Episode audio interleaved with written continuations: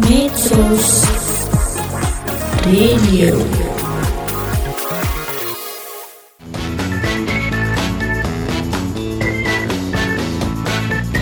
Info Ini info luar biasa.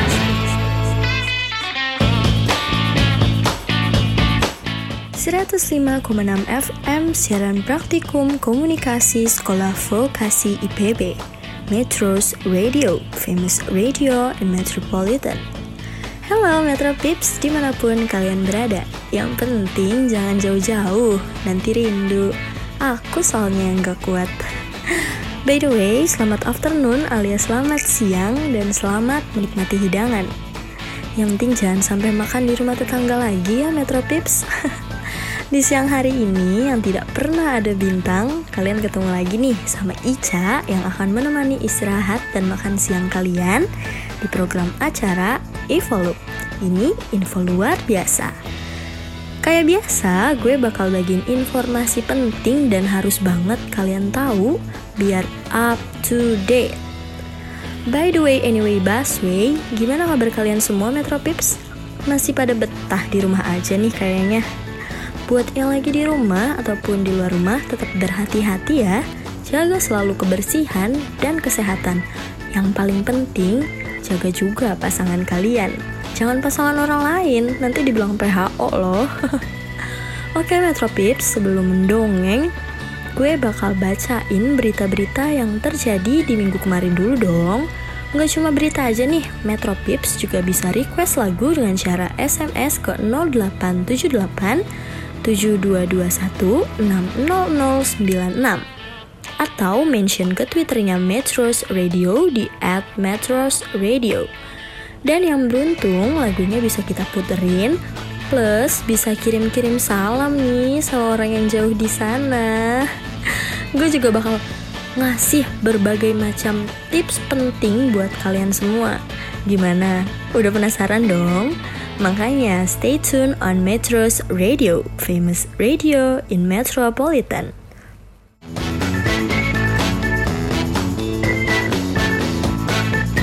Info, ini info luar biasa. 105,6 FM siaran praktikum komunikasi sekolah vokasi IPB Metros Radio famous radio in Metropolitan. Metro Pips, lagi nunggu kalian ngirim SMS, gue bakal ngasih tahu apa aja sih berita yang terjadi selama minggu kemarin. Tapi sebelum gue bacain, biar Metro Pips semua nggak bete karena di rumah aja, gue mau ngasih satu lagu yang lagi hits banget nih. Ada yang bisa tebak? Cluenya adalah lagu kesukaan gue. Dan kalian yang suka AGM, keyakin lo semua bakal suka banget sama lagu ini. Daripada penasaran, mending langsung aja kita dengerin Sofia dari Clairo. tried.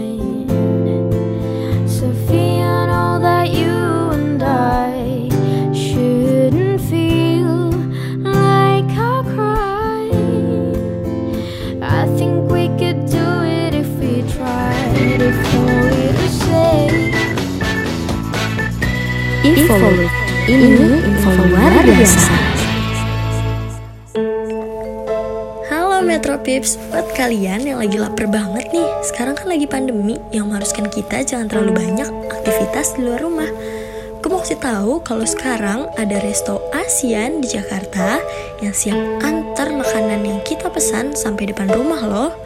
Kalian juga nggak usah khawatir, menu makanan dan juga minumannya lengkap banget. Jadinya enak banget kan, praktis dan aman. Gak perlu ribet cari keluar rumah, tinggal pesen, tunggu, duduk manis. Selain itu, Resto ASEAN juga selalu ngadain diskon setiap bulan untuk semua menunya. Paket lengkap banget nih, apalagi resto ini sudah menjalankan protokol kesehatan yang ketat. Jadi nggak perlu takut deh. Mau makan praktis di resto ASEAN aja.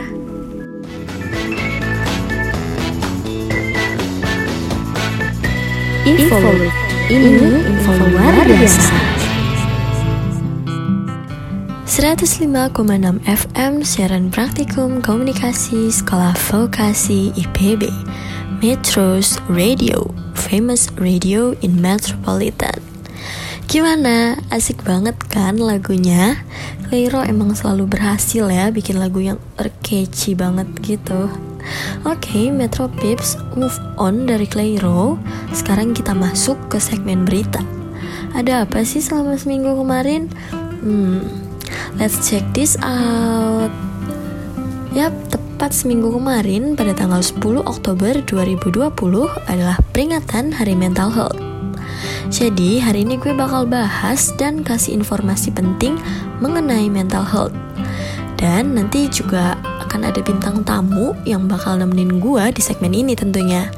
Metro Pips di balik kemewahan yang disediakan di kawasan perkotaan, terdapat sisi lain yang ternyata membahayakan kesehatan loh, terutama kondisi kestabilan mental. Kenapa begitu ya, Metro Pips? Nah, menurut studi, penghuni di kota besar seperti kita ini memiliki resiko sekitar 40% lebih besar untuk mengalami depresi, 20% untuk potensi anxiety attack atau gangguan kecemasan, dan beberapa faktor pendorong kondisi ini merupakan permasalahan sosial seperti kesepian dan tekanan hidup yang tinggi di tengah kepadatan penduduk di kota metropolitan ini. Namun, terdapat pula faktor fisik kawasan perkotaan yang tampaknya memicu gangguan emosi para penghuninya nih Metropips. Temuan yang dipublikasikan di jurnal Annual Review of Public Health ini menunjukkan beberapa faktor fisik yang berpotensi mengganggu kondisi kejiwaan, khususnya di perkotaan. Di antaranya adalah polusi udara, seperti polen atau serbuk sari sebagai pemicu alergi. Lalu, kebisingan sebagai ilustrasi polusi udara yang mengandung beberapa molekul berbahaya seperti karbon monoksida, nitrogen oksida, sulfur dioksida, dan benzena dapat dengan mudah dijumpai di perkotaan. Serem juga ya Metro Pips. Nah, zat-zat ini bisa berasal dari asap kendaraan roda 2 atau lebih, asap industri, emisi rumah tangga, maupun reaksi sekunder di udara. Contoh lain, kebisingan yang ditimbulkan dari hiruk pikuk lalu lintas atau pekerjaan konstruksi juga dapat mengganggu kestabilan mental loh Metro Pips. Kebisingan dapat menyebabkan gangguan emosional dan mengurangi kualitas tidur, sehingga mendorong respon stres psikofisiologis dan dapat berujung pada depresi. Hmm. Agak serem juga ya Metro Pips Perkotaan juga merupakan kasus yang unik nih sebenarnya, di mana rata-rata penghuni perkotaan memiliki akses terhadap layanan kesehatan dan edukasi yang lebih baik dari kebanyakan orang. Artinya, dalam kebanyakan aspek kehidupan kota tampak baik, namun dalam hal kesehatan mental justru berlaku kebalikannya nih Metro Pips. Namun bukan berarti seseorang yang menghuni kawasan pemukiman di tengah kota akan otomatis mengalami depresi ataupun gangguan kecemasan loh ya Metro Pips. Faktor lain seperti kondisi sosioekonomi juga berperan. Misalnya, pada suatu komunitas kelas menengah ke bawah, stres akibat kondisi finansial dapat berkontribusi terhadap munculnya gejala depresi. Selain itu, mereka juga memiliki paparan tinggi terhadap polusi udara, kebisingan kota, apalagi nih ya, di kondisi pandemi COVID-19 seperti ini banyak banget yang terdampak, sehingga mengakibatkan kesehatan mental kita terganggu. Situasi pandemi saat ini membuat pembahasan tentang kesehatan mental menjadi perbincangan menarik nih Metro Pips. Dengan segala perubahan yang terjadi karena pandemi virus corona, masyarakat dunia perlu menyesuaikan diri. Situasi yang terkadang mempengaruhi situasi psikologis yang bisa berdampak pada kesehatan mental. Kesehatan mental juga dipengaruhi oleh peristiwa dalam kehidupan yang meninggalkan dampak yang besar pada kepribadian dan perilaku seseorang loh. Peristiwa tersebut dapat berupa kekerasan dalam rumah tangga, pelecehan anak, atau stres berat dalam jangka waktu yang panjang. Nah, jika kesehatan mental terganggu, maka timbul gangguan mental atau penyakit mental. Gangguan mental dapat mengubah cara seseorang dalam menangani stres berhubungan dengan orang lain, membuat pilihan, dan memicu hasrat untuk menyakiti diri sendiri. Hmm, jangan sampai ya kita semua mengalami hal tersebut, Metropips. Nah, Metropips, beberapa jenis gangguan mental yang umum ditemukan antara lain depresi, gangguan bipolar, kecemasan, gangguan stres pasca trauma, gangguan obsesif kompulsif, dan psikosis. Beberapa penyakit mental hanya terjadi pada jenis pengidap tertentu, seperti postpartum depression yang hanya menyerang ibu setelah melahirkan loh. Gak sedikit orang yang beranggapan bahwa gangguan jiwa hanya terjadi akibat gangguan halusinasi atau masalah perilaku aja. Bahkan nih ya, masih banyak orang yang beranggapan bahwa penderita gangguan jiwa perlu dikurung atau dipasung. Hmm. Serem kan ya kalau misalnya kayak gitu. Gangguan jiwa juga merupakan salah satu masalah kesehatan yang masih banyak mendapatkan pandangan negatif dari masyarakat nih. Padahal gangguan jiwa itu ada berbagai macam dan masing-masing jenis gangguan memiliki tanda dan gejala yang berbeda. Gue bakal kasih tahu nih ke Metro semua macam-macam gangguan jiwa yang sering terjadi. Jadi yang pertama itu ada gangguan kecemasan. Gangguan kecemasan terdiri dari gangguan kecemasan umum atau gangguan kecemasan sosial, fobia ataupun panik. Gangguan kecemasan merupakan gangguan kejiwaan yang membuat penderitanya merasa cemas dan gelisah, serta sulit mengendalikan perasaan tersebut. Ketika mengalami gangguan kecemasan, seseorang bisa merasakan gejala berupa banyak berkeringat, detak jantung yang cepat atau dada berdebar-debar, merasa pusing, susah berkonsentrasi, sulit untuk tidur, serta merasa cemas dan merasa khawatir hingga sulit menjalani aktivitas sehari-hari. Lalu, gangguan yang kedua adalah gangguan kepribadian. Seseorang dengan gangguan kepribadian cenderung memiliki pola pikir, perasaan, atau perilaku yang berbeda dari kebanyakan orang pada umumnya.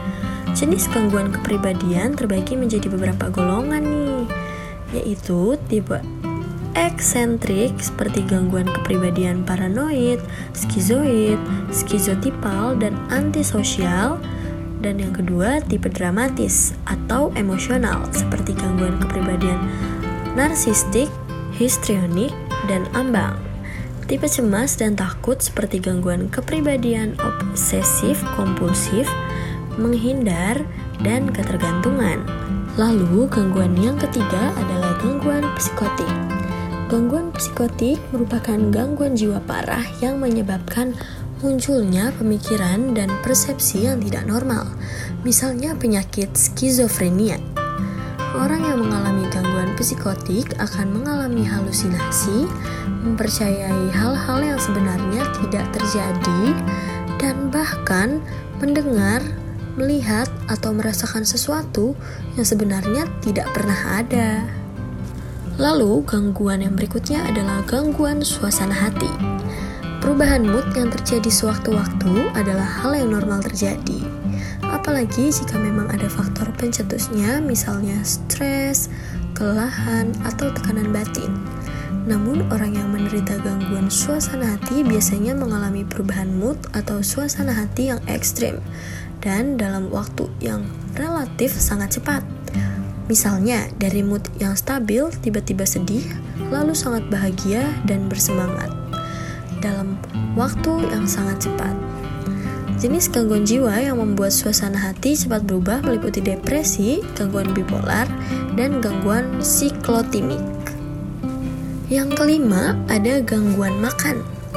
Gangguan makan adalah gangguan jiwa yang serius yang membuat perilaku makan seseorang terganggu. Kondisi ini sering kali dapat membuat penderitanya mengalami masalah gizi, misalnya kurang gizi atau justru obesitas. Contoh dari gangguan makan adalah anoreksia nervosa dan bulimia nervosa, serta binge eating disorder atau gangguan makan berlebihan. Yang keenam ada gangguan pengendalian impuls dan kecanduan. Orang dengan gangguan pengendalian impuls tidak dapat menahan dorongan untuk melakukan tindakan yang dapat membahayakan diri sendiri atau orang lain. Misalnya berjudi, mencuri, dan menyulut api. Sedangkan gangguan perilaku adiksi atau kecanduan biasanya disebabkan oleh penyalahgunaan alkohol dan obat-obatan terlarang atau narkoba.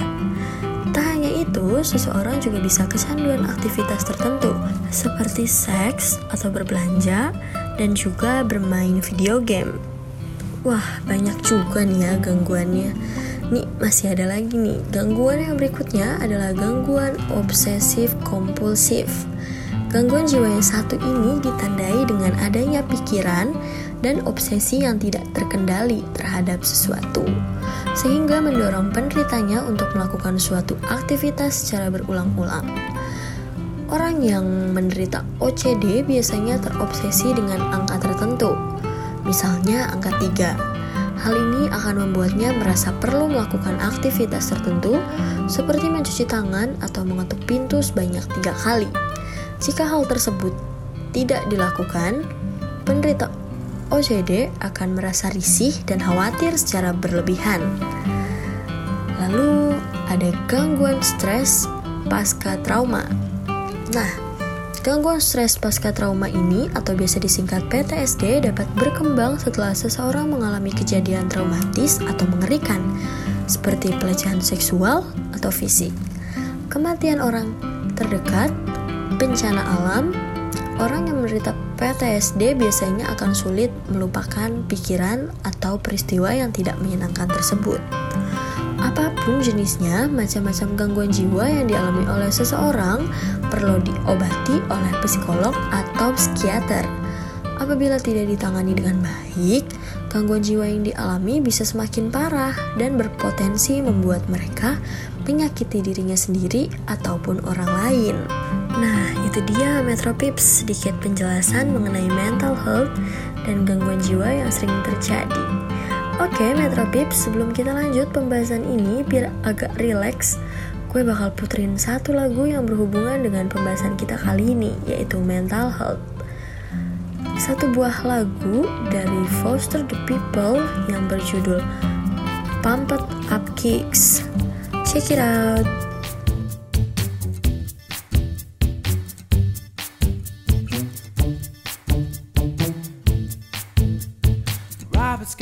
Quick hand. He'll look around the room, he won't tell you his plan. He's got a rolled cigarette hanging out his mouth. He's a cowboy kid, yeah, he found a six shooter gun in his dad's closet, hidden a box of fun things, and I don't even know what. But he's coming for you, yeah, he's coming for you kids with the pumped up kicks. You better run, better run,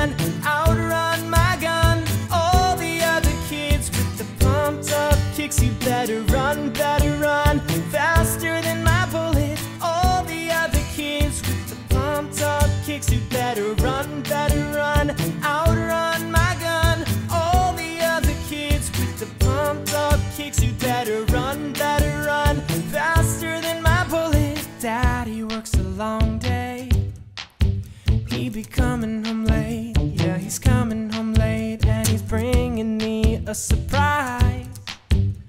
Cause dinner's in the kitchen and it's packed in ice. I've waited for a long time.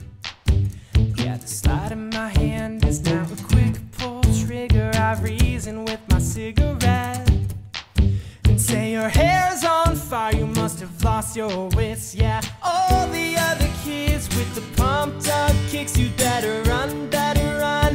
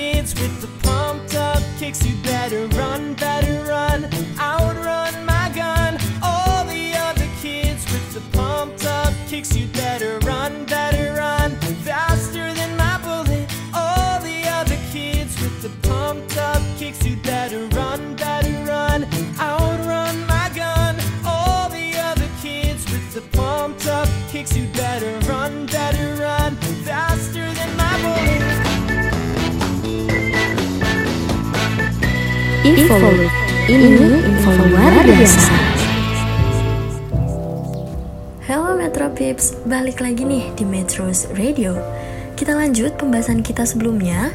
Kali ini gue ditemenin sama seseorang psikolog, pandai, muda dan cantik. Ada yang tahu? Yap.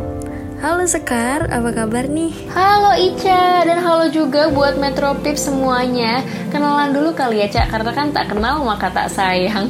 Oke, nama aku Sekar Kinanti, mungkin bisa dipanggil Sekar. Dan aku emang udah temenan lama banget nih sama Ica. Makanya seneng banget kali ini bisa dikasih kesempatan untuk sharing bareng Metro Pips Nah, Alhamdulillah kabarnya baik. Semoga kalian semua di sana juga dalam keadaan baik ya Cak. Apalagi kan sekarang dalam kondisi pandemi COVID Jadi kita dituntut untuk punya imunitas yang bagus. Jadi jangan lupa jaga kesehatan selalu. By the way, Sekar ini akan membantu menjelaskan hal-hal terkait mental health. Metro Pips, kalian tahu nggak kalau gangguan mental atau penyakit mental dapat diawali dengan beberapa gejala? Nah, kira-kira gejala yang dialami itu seperti apa aja sih, Kar, biasanya? Oke, bener banget nih Ica bahwa kalau mental health ini diawali oleh berbagai gejala dasar. Pada umumnya ini bisa seperti berteriak atau berkelahi dengan teman-teman atau keluarga. Bisa juga ada yang namanya delusi atau yang lebih kita kenal dengan nama halusinasi. Pasti kalau halusinasi udah pada tahu dong ya. Nah, selanjutnya adalah kehilangan kemampuan untuk berkonsentrasi.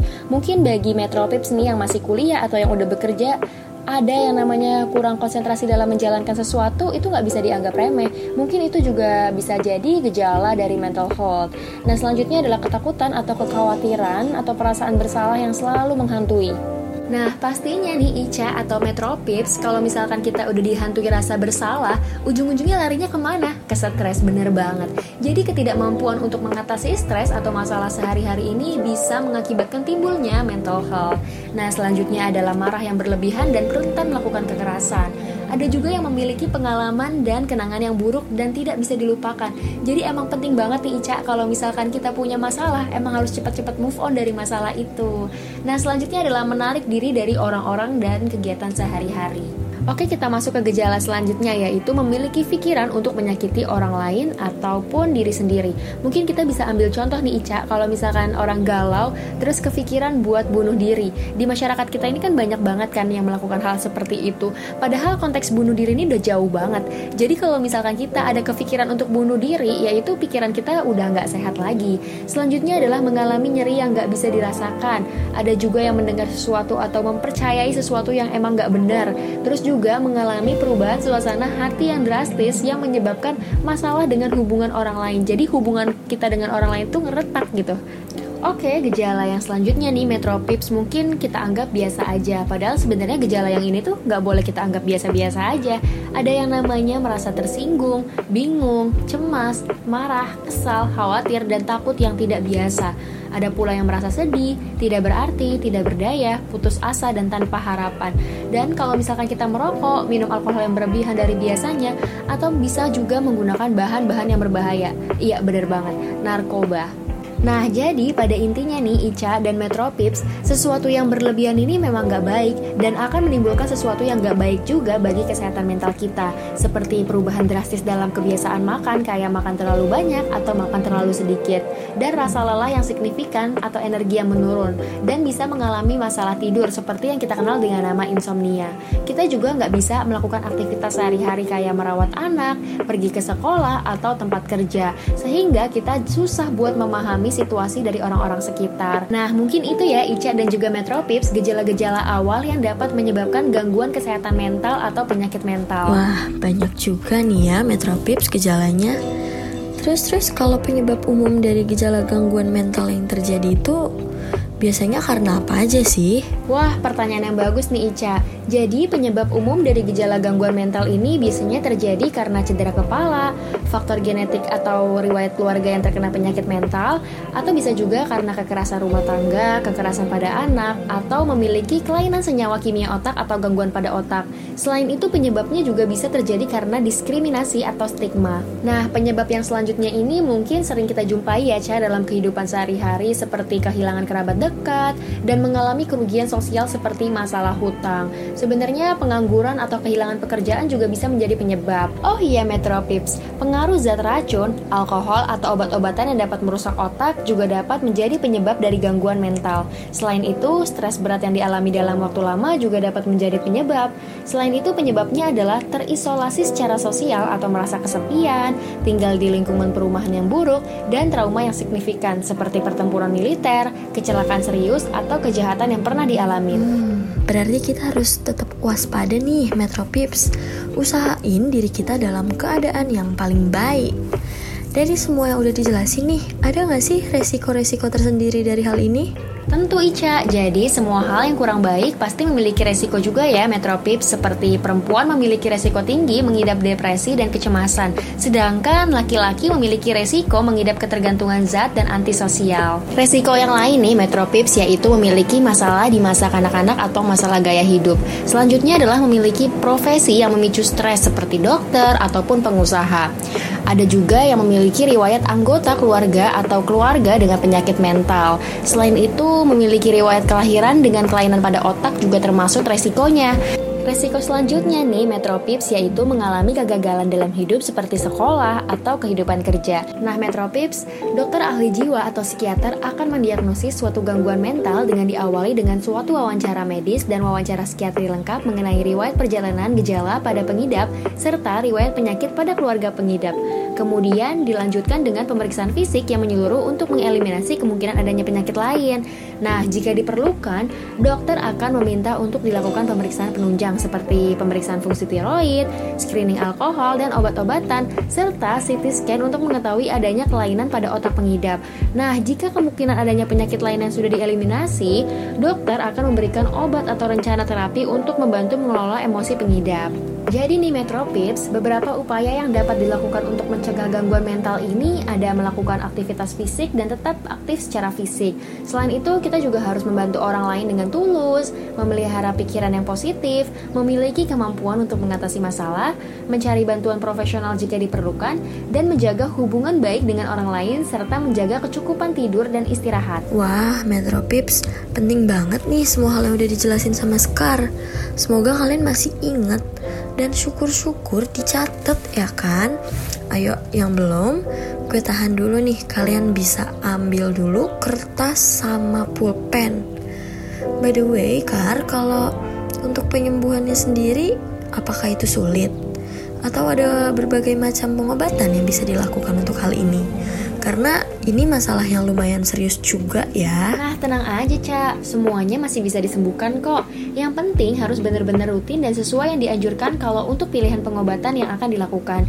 Biasanya sih dokter untuk menangani hal gangguan mental antara lain dengan melakukan psikoterapi. Nah, Metropips, psikoterapi ini merupakan terapi bicara yang memberikan media yang aman untuk pengidap dalam mengungkapkan perasaan dan meminta saran. Jadi, psikiater akan memberikan bantuan dengan membimbing pengidap dalam mengontrol perasaannya nih Metropips. Nah, psikoterapi beserta perawatan dengan menggunakan obat-obatan merupakan cara yang paling efektif untuk mengobati penyakit mental. Beberapa contoh psikoterapi antara lain adalah cognitive behavioral therapy, exposure therapy, dialectical behavioral therapy, dan sebagainya. Metropips selanjutnya adalah obat-obatan. Pemberian obat-obatan untuk mengobati penyakit mental bertujuan untuk mengubah senyawa kimia otak di dalam otak Rica. Jadi, obat-obatan tersebut berupa golongan selektif serotonin reuptake dan antidepresan Tristlik. Dan obat-obatan ini juga umumnya dikombinasikan dengan psikoterapi untuk hasil pengobatan yang lebih efektif lagi. Nah, selanjutnya adalah rawat inap. Rawat inap diperlukan jika pengidap membutuhkan pemantauan ketat terhadap gejala-gejala penyakit yang dialaminya atau terdapat kegawat daruratan di bidang psikiatri. Misalnya adalah percobaan bunuh diri. Nah, selanjutnya adalah support group. Support group umumnya beranggotakan pengidap penyakit mental yang sejenis atau yang sudah dapat mengendalikan emosinya dengan baik. Mereka berkumpul untuk berbagi pengalaman dan membimbing satu sama lain menuju pemulihan. Nah, selanjutnya ini adalah stimulasi otak. Jadi, stimulasi otak ini berupa terapi elektrokonvulsif, stimulasi magnetif transkrasial, dan pengobatan eksperimental yang disebut dengan stimulasi otak dalam, dan stimulasi sarafagus. Nah, selanjutnya nih Ica ada pengobatan terhadap penyalahgunaan zat. Pengobatan ini dilakukan pada pengidap penyakit mental yang disebabkan oleh ketergantungan akibat penyalahgunaan zat terlarang, contohnya kayak narkoba. Nah, selanjutnya adalah membuat rencana bagi diri sendiri, misalnya mengatur gaya hidup dan kebiasaan sehari-hari untuk melawan penyakit mental. Rencana ini bertujuan untuk memantau kesehatan dan membantu proses pemulihan dan mengenali pemicu atau tanda-tanda peringatan penyakit. Nah, tapi ya, Cak, keluarga ini memiliki peranan yang sangat penting dalam gangguan jiwa, khususnya mengenai seberapa cepat proses penyembuhan penderita gangguan jiwa selama menjalani proses pengobatan dan juga proses rehabilitasi.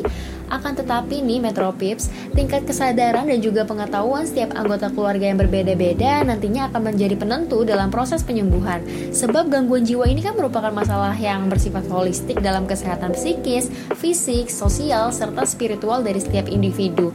Untuk itu diperlukan pemahaman dan juga konsep yang jelas untuk bisa memahami dan mengarahkan supaya bisa kembali sehat dan normal lagi nih Ica.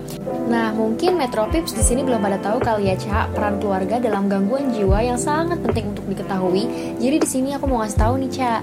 Yang pertama adalah perlakuan dan pengasuhan.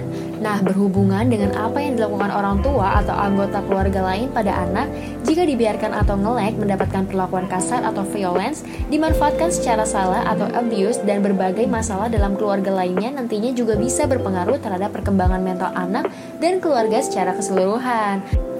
Nah, keluarga yang sehat nih Metropips nantinya bisa memberikan kesehatan mental pada anak dan juga anggota keluarga lainnya. Begitu juga sebaliknya, jika keadaan keluarganya tidak kondusif, ya maka bisa mengakibatkan gangguan jiwa untuk anak beserta anggota keluarga lainnya. Nah, yang kedua nih Metropips mempelajari tentang penyakit mental dan layanan. Nah, bagi keluarga penderita gangguan jiwa bisa memperoleh manfaat dari pendidikan yang sangat membantu dalam memahami gangguan jiwa yang sering kali membingungkan. Nah, pendidikan tersebut nantinya bisa mengajarkan beberapa hal seperti ciri-ciri depresi berat dan tanda yang bisa menyebabkan masalah pada individu dan apa saja yang terlihat menakutkan sekaligus ganjil untuk anggota keluarga yang lain. Nah, selanjutnya mencari penyebab mengapa seseorang tidak terlihat ada sesuatu yang salah pada diri mereka dan alasan mengapa seseorang penderita gangguan jiwa menolak untuk mencari bantuan seperti dokter atau pusat kesehatan mental. Nah, Metropip selain itu keluarga dapat mempelajari tentang keterampilan manajemen diri sendiri yang bisa dipakai seseorang untuk mengatasi penyakit. Selanjutnya juga dapat mempelajari tentang penggunaan obat-obatan tertentu dan apa aja sih efek sampingnya. Nah, Metropips, aku akan menjelaskan peran keluarga yang ketiga, yaitu melibatkan penderita dalam rencana perawatan. Nah, keluarga juga harus bisa berkomunikasi dengan penderita supaya bisa membantunya untuk mencari bantuan. Selanjutnya adalah identifikasi tanda peringatan dan gejala kambuh. Keluarga juga harus bisa belajar tentang bagaimana sih seharusnya memberikan umpan balik untuk anggota keluarganya yang memperlihatkan tanda dan gejala seperti gangguan mood dalam, Psikologi dari kemungkinan gangguan jiwa kambuh sekaligus mengidentifikasi dan meminimalisir hal yang bisa menyebabkan tekanan terlalu banyak pada penderita, sehingga bisa meningkatkan kemungkinan gangguan jiwa kambuh kembali. Nah, selanjutnya adalah mengelola obat. Jadi, keluarga memegang peran yang sangat penting dalam membantu anggota keluarganya dalam rutinitas pengobatan, seperti informasi mengenai cara mengkonsumsi obat dengan teratur, dan belajar cara menghadapi efek samping sekaligus membantu penderita dengan cara bekerja sama dengan dokter untuk mengetahui efek samping. Jadi Metropips peran selanjutnya adalah bekerja sama dengan anggota keluarga lain. Jadi keluarga juga dianjurkan untuk mengetahui rencana darurat termasuk langkah yang harus dilakukan saat seseorang terkena atau merasakan serangan dari gangguan jiwa. Dengan cara apa? Dengan cara memberi peningkatan pengobatan, menghubungi dokter atau psikiater dan setiap anggota keluarga juga harus membuat rencana yang meliputi informasi tentang pengobatan terkini, nama dan rincian kontak para profesional kesehatan dan kejiwaan setempat, serta selangkaian langkah lainnya yang harus diikuti masing-masing anggota keluarga yang nantinya memegang peranan yang sangat penting untuk merawat seseorang seperti apakah dibutuhkannya perawat rumah sakit atau masih bisa dirawat secara mandiri. Jadi seperti itu. Nah, peran selanjutnya di Metropips adalah membantu menumbuhkan hidup yang kondusif. Jadi, keluarga juga harus bisa menumbuhkan gaya hidup yang kondusif untuk pemulihan dan juga pemeliharaan kesehatan mental.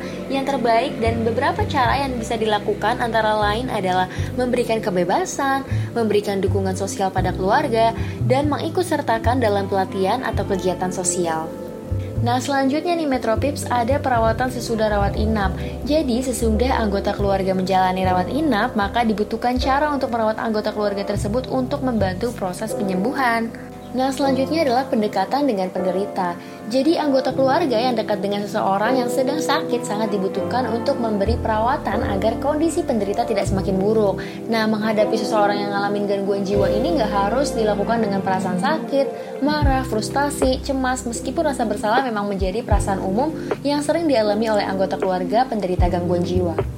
Nah, selanjutnya nih Metropip bisa menggunakan kurator publik. Jadi ada saatnya seorang individu yang mengalami gangguan jiwa bisa menggunakan layanan kurator publik ketika keluarganya yang harusnya bertanggung jawab dalam kondisi menderita, sedang dalam keadaan sakit atau sudah terlalu tua untuk menangani masalah tersebut. Nah, Metropips, kita juga jangan menghakimi.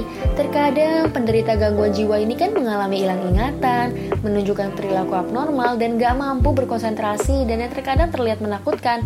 Nah, di sini peran keluarga bersikap untuk keras dan jangan memaksa penderita untuk berjuang dengan keras. Jadi cukup berikan aja informasi secara berulang kali, namun dengan cara yang baik dan enggak ngehakimin sama sekali. Itu akan lebih baik dan membantu penderita gangguan jiwa dibandingkan dengan penekanan yang diberikan secara terus-menerus. Nah, selanjutnya adalah terima persepsi penderita. Kan seorang penderita gangguan jiwa ini sering kali berhalusinasi, melihat dan merasakan atau mendengar hal-hal yang nggak bisa kita dengar. Nah, di sini peran anggota keluarga harus menerima persepsi individu tersebut. Nah, yang penting untuk diperhatikan lagi nih, Ca, ada perlakukan dengan rasa hormat. Jadi, memperlakukan anggota keluarga yang sedang mengalami gangguan jiwa juga harus dilakukan secara bermartabat dan dengan rasa hormat loh, Metropips. Nah, selanjutnya yang gak kalah penting adalah mencari dukungan. Jadi, pertimbangin juga nih buat bergabung dengan grup atau kelompok sebab Anda juga membutuhkan dukungan dari orang lain yang mengalami hal serupa dengan yang Anda alami, yakni memiliki anggota keluarga dengan gangguan jiwa yang sama. Nah, hal ini tentunya sangat penting dilakukan agar lebih menguatkan diri anggota keluarga lainnya, khususnya saat timbul perasaan ingin menjauh dan mengasingkan diri. Nah, gangguan jiwa seperti kebanyakan penyakit lainnya tetap membutuhkan penanganan medis yang paling tepat, manajemen dan dukungan kuat sehingga penderita bisa dipulihkan. Untuk itu, peran keluarga dalam gangguan jiwa memiliki peranan yang sangat penting dalam membantu anggota keluarga yang sedang mengalami gangguan Kalau jiwa gitu, tersebut. jadi kapan kita harus ke dokter dan konsultasi? Karena semua yang dijelasin ini tuh datang dari orang-orang terdekat dulu ya sepertinya. Nah betul banget Cak Jadi jika diri sendiri atau kerabat udah nunjukin gejala-gejala yang udah disebutin tadi Dan gejalanya ini dirasa terus menerus dan gak ngebaik ya udah sebaiknya segera periksain ke psikiater atau dokter spesialis kejiwaan untuk mendapatkan periksaan lebih lanjut Nah untuk melakukan pemeriksaan ini kamu juga bisa membuat janji dengan dokter di rumah sakit pilihan kamu Hmm, cukup panjang dan rumit juga ya Metro Pips penyelesaian dari mental health ini.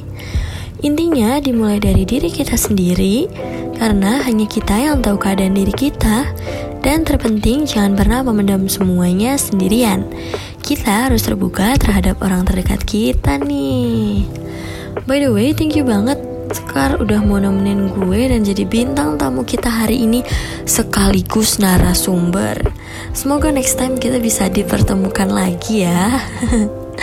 Besok main yuk meet up di sensi belanja-belanja kayaknya asik nih Kar. Bisa aja nih Ica. Pokoknya gampang deh Ca Kalau misalkan urusan shopping-shopping di Sensi mah gampang Bisa diatur. By the way makasih banget ya Ica Udah ngasih kesempatan nih Buat aku sharing-sharing ke Metro Spips kalian Semoga bermanfaat ya Sekalian aku pamit undur diri Dan sampai ketemu di lain kesempatan. Nah, Metro Pips, itu dia pembahasan mengenai mental health. Dan Ica bakal balik lagi untuk memberikan informasi kedua yang gak akan kalah penting untuk Metro Pips semua. Tetap stay tune di Metro's Radio.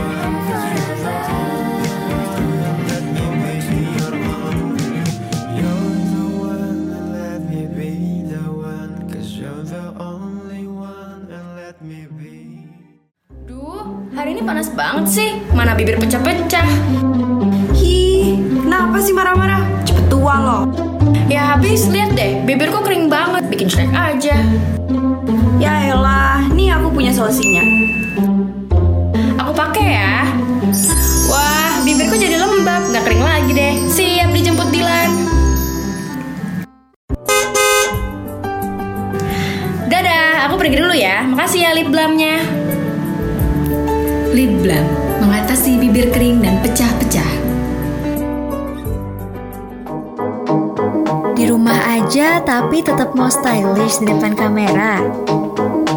Gak usah pusing, kenalin nih, Taca Hijab. Kerudung yang dibuat untuk para wanita muslim untuk tetap tampil menarik di depan kamera. Bahannya adem dan warnanya kekinian banget deh.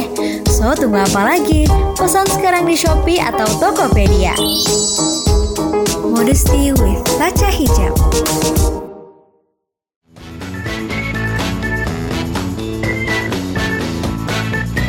Evolve.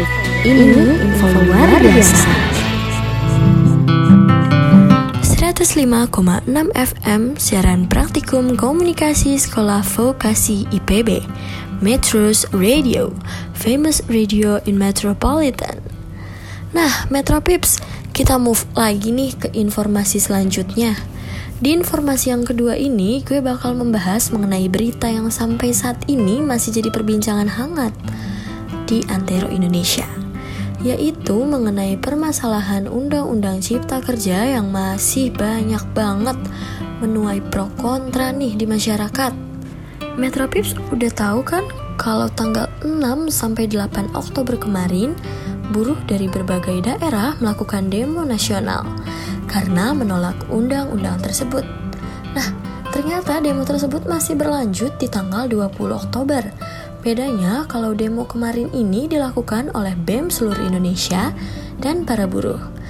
Hari Selasa tanggal 20 Oktober 2020 kemarin, sejumlah elemen kembali menggelar aksi unjuk rasa untuk menolak Omnibus Law Undang-Undang Cipta Kerja di Jakarta. Selain mahasiswa, elemen buruh juga terlibat dalam aksi yang bertepatan dengan satu tahun masa Jokowi Ma'ruf Amin ini. Guna mengawal aksi, pihak kepolisian menerjunkan sebanyak 6.000 personel di sekitar lokasi aksi. Sebelumnya, demonstrasi serupa telah diselenggarakan di Jakarta sebanyak dua kali, di mana kedua demonstrasi tersebut berakhir dengan kericuhan. Gelombang proses tolak Undang-Undang Cipta Kerja belum surut sejak disahkan pemerintah dan DPR pada 5 Oktober lalu. Pembahasannya yang dianggap cacat prosedur karena tak transparan hingga pengesahannya, ditambah muatan pasal yang dinilai pro penguasa membuat Undang-Undang Cipta Kerja jadi bulan-bulanan kaum buruh, mahasiswa hingga kalangan akademisi dan koalisi sipil. Dalam aksi ini, masa menuntut Presiden Jokowi untuk mengeluarkan per PPU Masa dari kalangan mahasiswa menyampaikan ultimatum terhadap Presiden Joko Widodo, di mana mereka mendesak agar Presiden Jokowi segera menertibkan pemerintah pengganti undang-undang atau PPU untuk membatalkan undang-undang Cipta Kerja. Ultimatum tersebut disampaikan oleh masa karena kecewa dengan Presiden Jokowi yang tidak mampu menemui mereka yang ingin menyampaikan aspirasi. Nah, setelah menyampaikan aspirasi tersebut, mahasiswa dari Aliansi Badan Eksekutif Mahasiswa Seluruh Indonesia atau BMSI yang melakukan aksi demonstrasi tolak Omnibus Law Undang-Undang Cipta Kerja di kawasan Patung Kuda akhirnya mulai membubarkan diri pada pukul 16.30 waktu Indonesia Barat. Nah, itu dia Metro Pips pembahasan mengenai permasalahan Omnibus Law yang masih menjadi permasalahan khususnya untuk kaum buruh. Habis ini gue bakal balik lagi untuk memberikan informasi yang menarik untuk Metro Pips semua. So, stay tune terus ya di Metro Radio, famous radio in Metropolitan.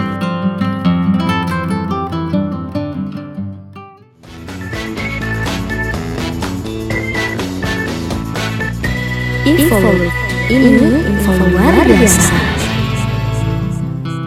105,6 FM siaran praktikum komunikasi Sekolah Vokasi IPB Metros Radio Famous Radio in Metropolitan Metro Pips di menit-menit terakhir ini tapi bukan pertemuan terakhir ya nanti kalian rindu lagi jadi gue bakal ngasih tips buat Metro Pips yang lagi bingung mau milih diet yang cocok nah gue ada rekomendasi nih diet yang enggak nyiksa dan ampuh pastinya jadi ada namanya diet pisang. Caranya, di pagi hari Metro Pips hanya perlu sarapan dengan mengkonsumsi pisang yang berukuran sedang. Disertai air hangat, ingat gak boleh minum air dingin. Dan diusahakan memilih jenis pisang yang paling baik untuk diet, yakni yang tidak terlalu matang dan masih segar. Kemudian saat siang sebaiknya kalian makan makanan yang mengandung banyak serat Tentunya harus bernutrisi ya. Agar diet pisang ini cepat berhasil, sebaiknya berhenti makan sebelum kenyang. Ingat tuh, berhenti makan sebelum kenyang. Nah, terus untuk menu diet malam hari, Metro Pips boleh mengkonsumsi makanan kesukaan kalian nih. Tapi, tapi, tapi perlu diingat, makanlah sebelum jam 7 malam. Jangan makan di atas jam 8 malam jika memang lapar di atas jam 8 malam, sebaiknya ganjel perut dengan buah-buahan yang mengandung banyak serat atau minum air putih yang banyak. Itu dia tips penting banget dari gue untuk Metro Pip semua. Semoga bermanfaat ya.